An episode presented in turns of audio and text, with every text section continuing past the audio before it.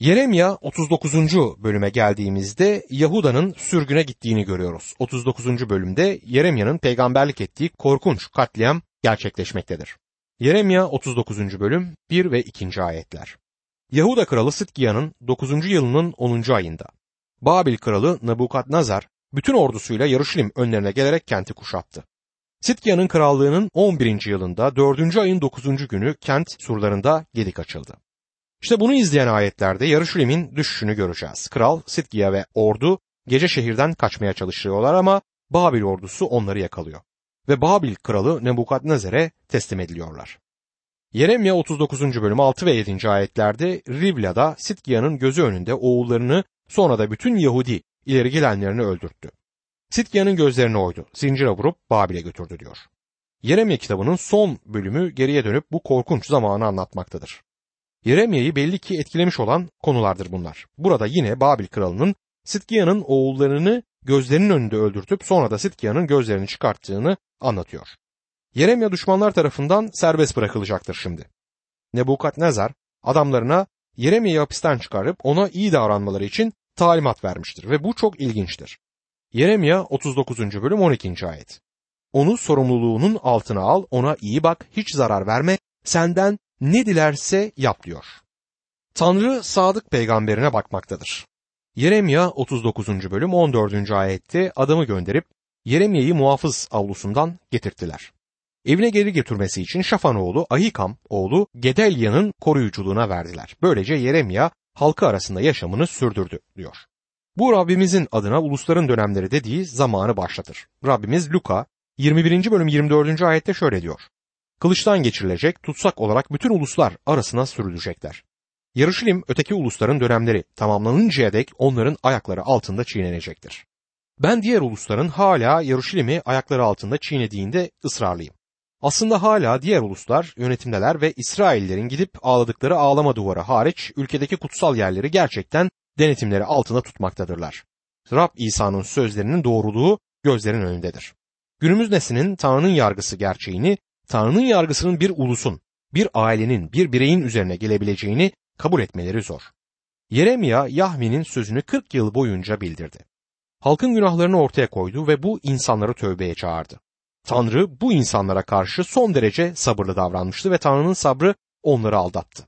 Sahte peygamberlerin gördünüz mü Yeremya'nın sözleri gerçekleşmedi demelerine bu durum neden olmuştur. Ama şimdi sözleri gerçekleştirmiştir ve artık bu durumu döndürmek için çok geçtir. Tanrı insanlara karşı sabırlıdır ve artık hiçbir çarenin kalmadığı yere gelene dek onların kendi yollarında gitmelerine izin verir. Yahuda bunun çok iyi bir örneğidir. Tanrı en son ana dek Yeremya aracılığıyla onlara yalvardı. Tanrı'yı hararetle reddettiler ve Nebukadnezer'in şehri yerle bir ettiği gün sonunda geldi. İnsanlık ve insanlığın tümü Tanrı'nın yargıç olduğunu duymaktan hoşlanmıyor. Tanrı'nın kızdığına inanmak insanlar için zor. Bazı insanlar eski antlaşmanın Tanrı'nın gazap dolu bir Tanrı olduğunu ve İncil'de Tanrı'nın başka türlü tasvir edildiğini söylüyorlar.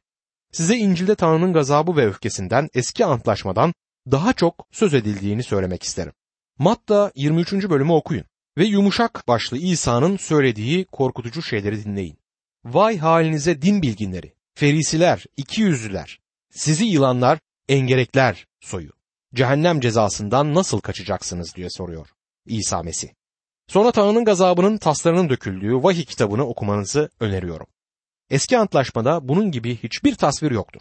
Eski antlaşma tanrısının gazap tanrısı ve İncil'deki tanrının sevgi tanrısı olduğunu söylemeye kalkışmak çok yanlıştır. Size şunu söylemek isterim ki Tanrı her çağda, her zaman hem sevgi tanrısı hem de gazap tanrısı olmuştur. Tanrı günaha karşı öfke duyar. Tanrı günahı yargılar. Tanrı'nın yargısıyla Tanrı'nın merhametini her zaman yan yana bulacaksınız. Tanrı'nın tahtı lütuf tahtıdır. Merhamet ve yardım bulunan yerdir. Ama aynı taht bir gün bu yeryüzünü yargılayacaktır. Günümüzde insanlar bunu anlamakta çok zorlanıyorlar. Tanrı'nın yasaları değiştirilemez ve bu yasalara karşı gelenin cezası yargıdır. Bu doğal alanda tamamıyla belli olduğu halde insanların ahlaksal ve ruhsal alanda bunu anlamaları çok zor görünüyor. Eğer bunun doğru olduğuna inanmayacaksanız çok yüksek bir binaya, bir gökdelene çıkmanızı öneririm. Eğer bu binadan atlarsanız ne olacağını çok iyi bilirsiniz. Yere çakılacaksınız. Doğada bazı kanunlar değişmiyor. Onlara itaat ederseniz yaşıyorsunuz ama itaat etmezseniz ölürsünüz. Yer çekim gücü var. Siz bu yüksek binanın üzerinden aşağıya atlarsanız çekim gücü sizi çok büyük bir hızla aşağıya ölüme götürür. Bu bir doğa yasasıdır ve değişmez. İnsanın ayın üzerinde yürümesinin harika bir başarı olduğunu düşünüyoruz ve öyledir. Ama bunun sadece bu insanların Tanrı'nın doğal yasalarına itaat ettiklerinden ötürü mümkün olduğunun bilincine varmanızı isterim. Bu yasalara karşı çıkmaya cesaret edemezlerdi. Ay'a gitmek üzere yola çıktıklarında ayı hedef almadılar. Kendileri oraya vardıklarında ayın olacağı noktayı hedef almışlardı. Oraya vardıkları anda ayın tam olarak nerede olacağını biliyorlardı. Çünkü bu evrenin hareketleri yasalar tarafından yönetilmektedir. Eğer o insanlar uzayın ve hareketin yasalarını görmezlikten gelselerdi uzayda kaybolup öleceklerdi. İnsanlık tarihi de bize aynı dersi vermelidir. Bütün yapmamız gereken zaman tünelinde geriye doğru yürüyüp bu dünyanın büyük uygarlıklarının enkazlarına, küllerine, harabelerine bakmaktır. Bütün bunlar Tanrı'nın bir ölç tanrısı, bir ceza tanrısı, bir yargı tanrısı olduğuna tanıklık eder. Uluslar yüksek ideallerini ve yüksek ahlaksal düzeylerini bırakıp alçak ideallere döndüklerinde günah içerisinde yaşamaya başladıklarında düşüp insanlık tarihinin sahnesinden göçtüler. Aydınların ve herkesin tarihi doğru bir şekilde okumaya başlayıp insanlık tarihinde Tanrı'nın hareket ettiğini görmelerinin vakti gelmiştir. Şimdi bunları söylediğim için kendimi eski kafalı biri gibi hissettiğimi itiraf ediyorum ama buna üzülmüyorum çünkü Yeremya da kendi zamanında eski kafalıydı. 21. yüzyılda bakış açımızdan kralın ihtiyar Sitkiya'nın inatçı ve ters biri olduğunu görebiliyoruz. Ve Tanrı'yı saf dışı bırakan entelektüeller, sofistike insanlar aynen bu şekilde inat etmektedirler. Bu yüzden bana entelektüel bir gerici denilmesine aldırmam. Çünkü aynı şeyle suçlanan Yeremye gibi insanlara saygı duyuyorum.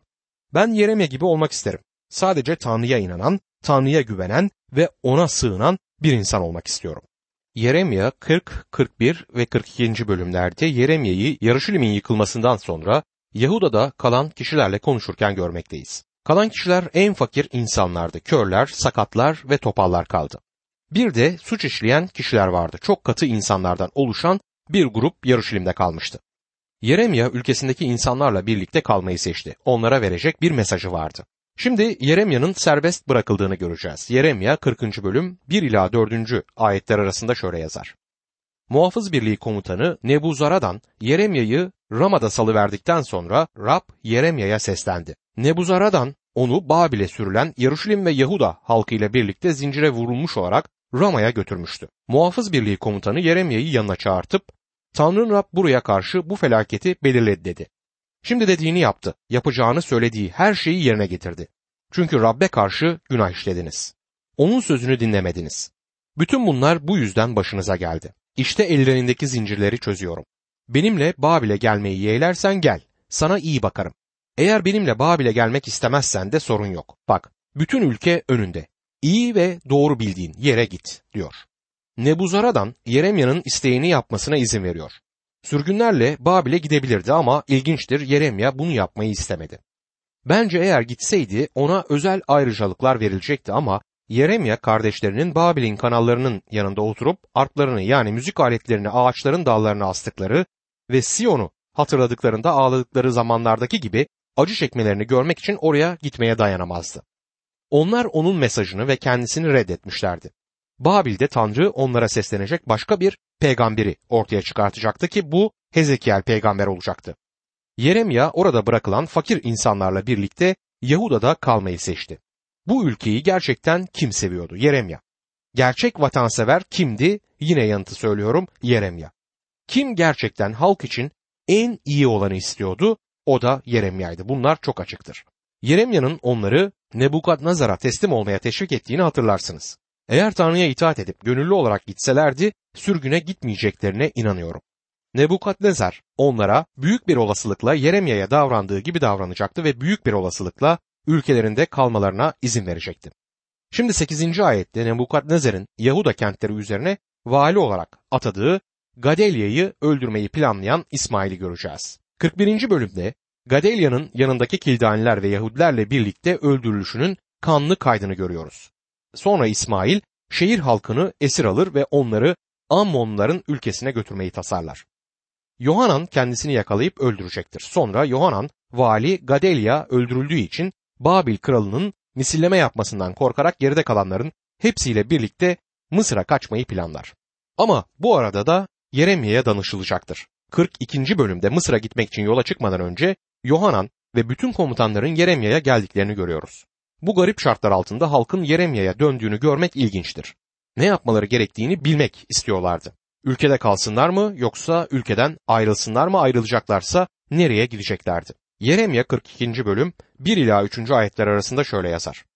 Ordu komutanları Kareya oğlu Yohanan, Hoşaya oğlu Azarya ve küçük büyük bütün halk yaklaşıp peygamber Yeremya'ya şöyle dediler. Lütfen dileğimizi kabul et. Bizim için bütün sağ kalan bu halk için Tanrın Rabbe yakar.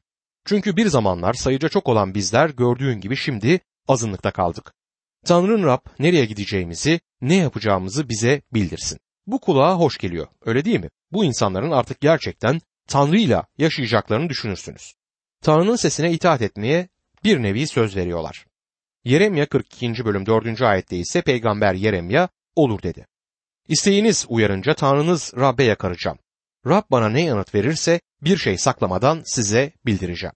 Yeremya'ya gelmişlerdi ve gerçeği söylemesi için Yeremya'ya güvenebileceklerini artık biliyorlardı. Tanrı için konuşmaya çalışan herkes ister kürsüden, ister radyodan, ister bir limon sandığının üzerinden konuşsun, akıllı ve kurnaz olma çabalarını bir kenara bırakmalıdır. Sofistike olmaya ve halkı memnun etmek için duymak istedikleri şeyleri söylemeye çalışmadan Tanrı sözünü iletmelidirler. Kürsü olumsuz şeyleri görmezlikten gelip olumlu düşünceyi vurguladığında zayıflar ve insanlara duymak istediklerini veren bir yer haline gelecektir. Elçi Paulus Timoteus'a şöyle öğütlüyor. 2. Timoteus 4. bölüm 3 ve 4. ayetlerdi. Çünkü öyle bir zaman gelecek ki sağlam öğretiye katlanamayacaklar. Kulaklarını okşayan sözler duymak için çevrelerine kendi arzularına uygun öğretmenler toplayacaklar. Kulaklarını gerçeğe tıkayıp masallara sapacaklar. Ne yazık ki günümüzdeki kürsülerin birçoğunun durumu budur. Mesajlar zayıflamıştır ve yaşadığımız çağ için mesajlar güçlü mesajlar taşımazlar. Vaizlerin konuştuğu kürsü Tanrı sözünü Yeremya'nın yaptığı gibi hiçbir şeyi saklamadan ve Tanrı'nın onun söylemesini istediği şeyi söyleyerek paylaştıklarında Tanrı sözü yaşadığımız zamanda yine etkin olacaktır. Şimdi Yeremya'da geriye kalanlara Tanrı'nın ne yapmaları gerektiğini söylediğini tam olarak belirtecektir. Yeremya 42. bölüm 9 ve 10. ayetlerde onlara şöyle dedi. Dileğinizi önüne sunmam için beni kendisine gönderdiğiniz İsrail'in Tanrısı Rab diyor ki, bu ülkede kalırsanız sizi bina ederim, yıkmam, dikerim, sökmem. Çünkü başınıza getirdiğim felakete üzülüyorum. Tanrı onlara eğer kendisine itaat ederlerse onları yargılamayı sürdürmeyeceğini söylemektedir. Ne de olsa Tanrı bereketlemeyi ister.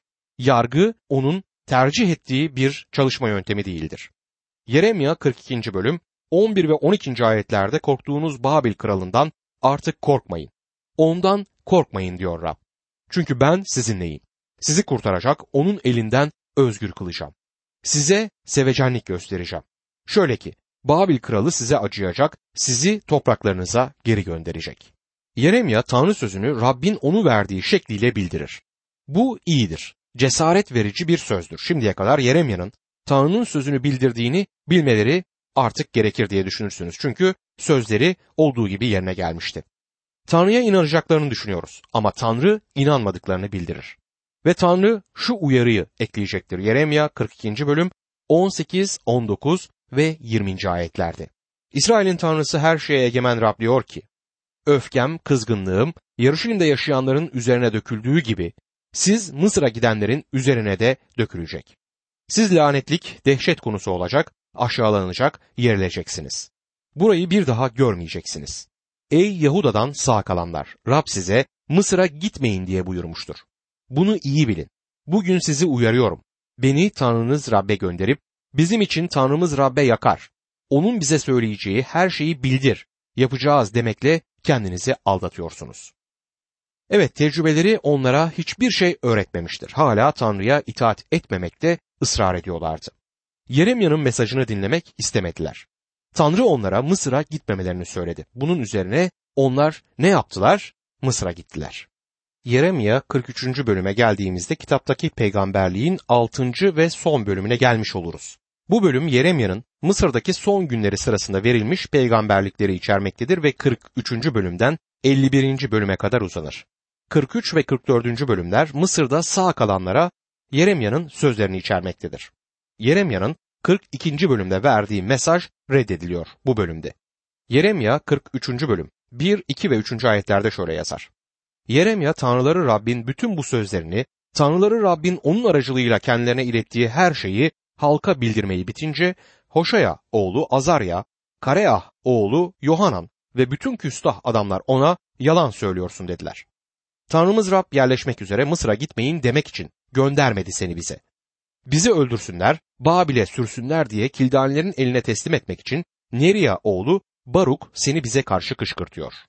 Bu insanlar yine aynı standart hareketlerine dönmüşlerdi. Tanrı'nın Yeremya'ya gerçekten bunu söylemediğini, bildirmediğini iddia ederler. Sorun Yeremya'nın söylemesini istedikleri şeyi söylememesidir. Onlara Mısır'a gitmelerini söyleyeceğini ümit ediyorlardı. Bunun yerine Tanrı onlara Mısır'a gitmemelerini söylemektedir. Yeremya 43. bölüm 5 ila 7. ayetler arasında ise Kareah oğlu Yohanan'la bütün ordu komutanları sürüldükleri uluslardan yerleşmek üzere Yahuda'ya geri dönen Yahuda halkını alıp götürdüler. Muhafız Birliği komutanı Nebuzarada'nın Şafan oğlu Ahikam oğlu Gadelya'nın sorumluluğuna bırakmış olduğu bütün kadınları, erkekleri, çocukları, kral kızlarını da götürdüler. Peygamber Yeremya ile Neriya oğlu Baruk'u da alıp Rabbin sözünü dinlemeyerek Mısır'a gittiler. Tahpenhes'e vardılar diyor. Yohanan ve komutanlar Yeremya peygamber dahil bütün sağ kalanları Mısır'a gitmeye zorluyorlar. Bunun üzerine Mısır'da Goşen diyarında bir ulus olarak başladıkları yere yakın bir yer olan Tah Penhes'e dönmüşlerdi. Yeremya'yı isteği dışında kendileriyle birlikte gitmeye zorladılar ama Yeremya hala onlarla konuşmaya devam ediyor. Çünkü Yeremya'nın sağ kalanlara Mısır için uyarıları vardır. Yeremya 43. bölüm 8 ve 9. ayetlerde Tahpan Hes'te Rab Yeremya'ya şöyle seslendi. Yahudilerin gözü önünde eline büyük taşlar al. Tahpan Hes'te Firavun sarayının girişindeki Tuğla kaldırımın harcına göp. Mısır'ın kiremitlerine dönmüşlerdi. Tanrı'ya itaatsizliklerinin ilerlemelerine izin vermediğini görüyoruz. Başlangıç noktalarına geri dönüyor bu insanlar. Yeremya 43. bölüm 10 ve 11. ayetlerde onlara de ki İsrail'in tanrısı her şeye egemen Rab şöyle diyor. İşte kulum Babil kralı Nebukadnezer'i buraya getirtip tahtını harca gömdüğüm bu taşların üzerine kuracağım. Nebukadnezar otağını bu taşların üzerine kuracak. Gelip Mısır'ı bozguna uğratacak. Ölüm için ayrılanlar ölüme, sürgün için ayrılanlar sürgüne, kılıç için ayrılanlar kılıca gidecek. Nebukadnezer'den kaçmak için Mısır diyarına gitmişlerdi ama Tanrı Nebukadnezer'in Mısır'ı almasına izin verecektir. Tanrı'ya itaat edip ülkelerinde kalsalardı olacakları durumdan çok daha kötü bir duruma gelecekler. Yine Nebukadnezer'in yönetimi altında olacaklar ama şimdi ülkelerinin dışındalar ve Nebukadnezer onları köle yapacaktır. Mısır'da sağ kalanlar da Tanrı'yı reddedecektir bu arada. 44. bölüm Mısır'da sağ kalanların Tanrı'ya itaat etmeyi mutlak bir şekilde reddettiğini kaydeder. Tanrı işgalden ve Yahuda'nın yıkımından sorumlu olanın kendisi olduğunu yine sabırla açıklayacaktır. Yeremya 44. bölüm 2 ve 3. ayetler. İsrail'in tanrısı her şeye egemen Rab diyor ki, Yaruşilim ve Yahuda kentlerine getirdiğim büyük felaketleri gördünüz. İşte yaptıkları kötülük yüzünden kentler bugün yıkık. İçlerinde oturan yok. Sizin de kendilerinin ve atalarının da önceden tanımadığınız başka ilahlara buhur yakıp taparak beni öfkelendirdiler. Tanrı yine cezanın nedenini burada açık bir şekilde belirtmektedir. Yeremya 44. bölüm 7 ve 8. ayetlerde ise İsrail'in tanrısı Rab her şeye egemen tanrı şöyle diyor. Neden bu büyük felaketi başınıza getiriyorsunuz? Kadın erkek, çoluk çocuk, Yahuda halkından kesilip atılacak, sizden sağ kalan olmayacak. Yerleşmek üzere geldiğiniz Mısır'da ellerinizin yaptıklarıyla başka ilahlara buğur yakmakla beni öfkelendiriyorsunuz. Başınıza felaket getiriyorsunuz. Dünyadaki uluslarca aşağılanacak, yerileceksiniz. Tanrı'nın sevgisinin ne kadar büyük bir açıklamasıdır bu. Hala onlara kendilerine dönmeleri için yalvarmaktadır. Küstahça yanıtları insan kalbinin tamamen yoz olduğuna çok güzel bir örnek oluşturmaktadır. Yeremya 44. bölüm 16 ve 17. ayetlerde Rabbin adıyla bize söylediklerini dinlemeyeceğiz. Tersine yapacağımızı, söylediğimiz her şeyi kesinlikle yapacağız. Gök kraliçesine buhur yakacak, atalarımızın krallarımızın, önderlerimizin ve kendimizin Yahuda kentlerinde, Yaruşilim sokaklarında yaptığımız gibi ona dökmelik sunular dökeceğiz. O zamanlar bol yiyeceğimiz vardı. Her işimiz yolundaydı, sıkıntı çekmiyorduk diyorlar. Şimdi artık onlar için yargıdan başka bir seçenek kalmamıştır. Şimdi Baruk adlı peygambere tekrar bir bakalım. Baruk Yeremya'nın bir arkadaşıydı. Ona bir tür asistanlık yapmaktaydı. Kral Yehoiakim'e gönderilen Tomar'a Yeremya'nın sözlerini yazan oydu.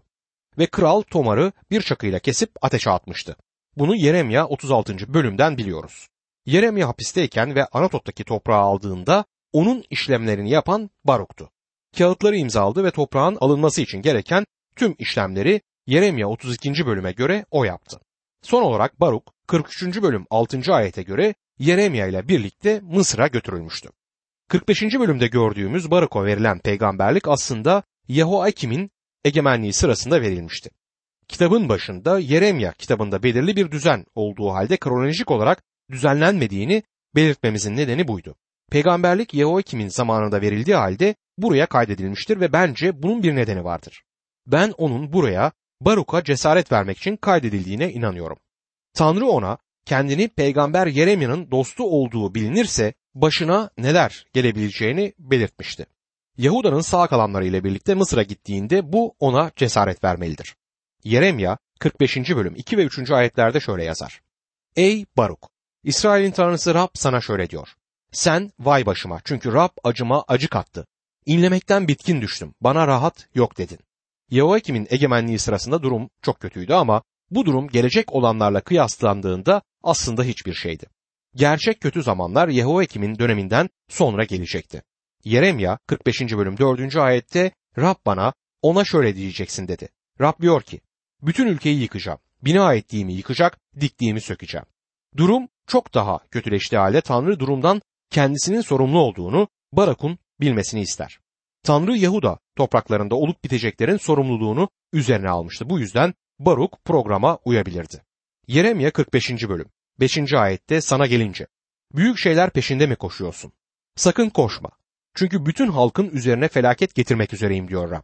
Ama sen nereye gidersen git canını bağışlayacağım. Bu peygamberlik Baruk'a o daha genç bir delikanlıyken verilmiştir. Tanrı ona ulusun tarihinin bu trajik zamanında kendisi için belirlediği yüksek bir amaca ulaşmayı bekleyemeyeceğini söyler. Çok zor zamanlarda yaşayacak ama canını kurtaracaktır çünkü Tanrı kendisini koruyacaktı. Şimdi Yeremya ve arkadaşı ve yoldaşı olan Baruk Mısır'da ihtiyar adamlar olmuşlardı. Tanrı'nın kendilerini yaşadıkları sıkıntılı zamanlardan nasıl koruduğunu biliyorlardı çünkü bunları yaşamışlardı.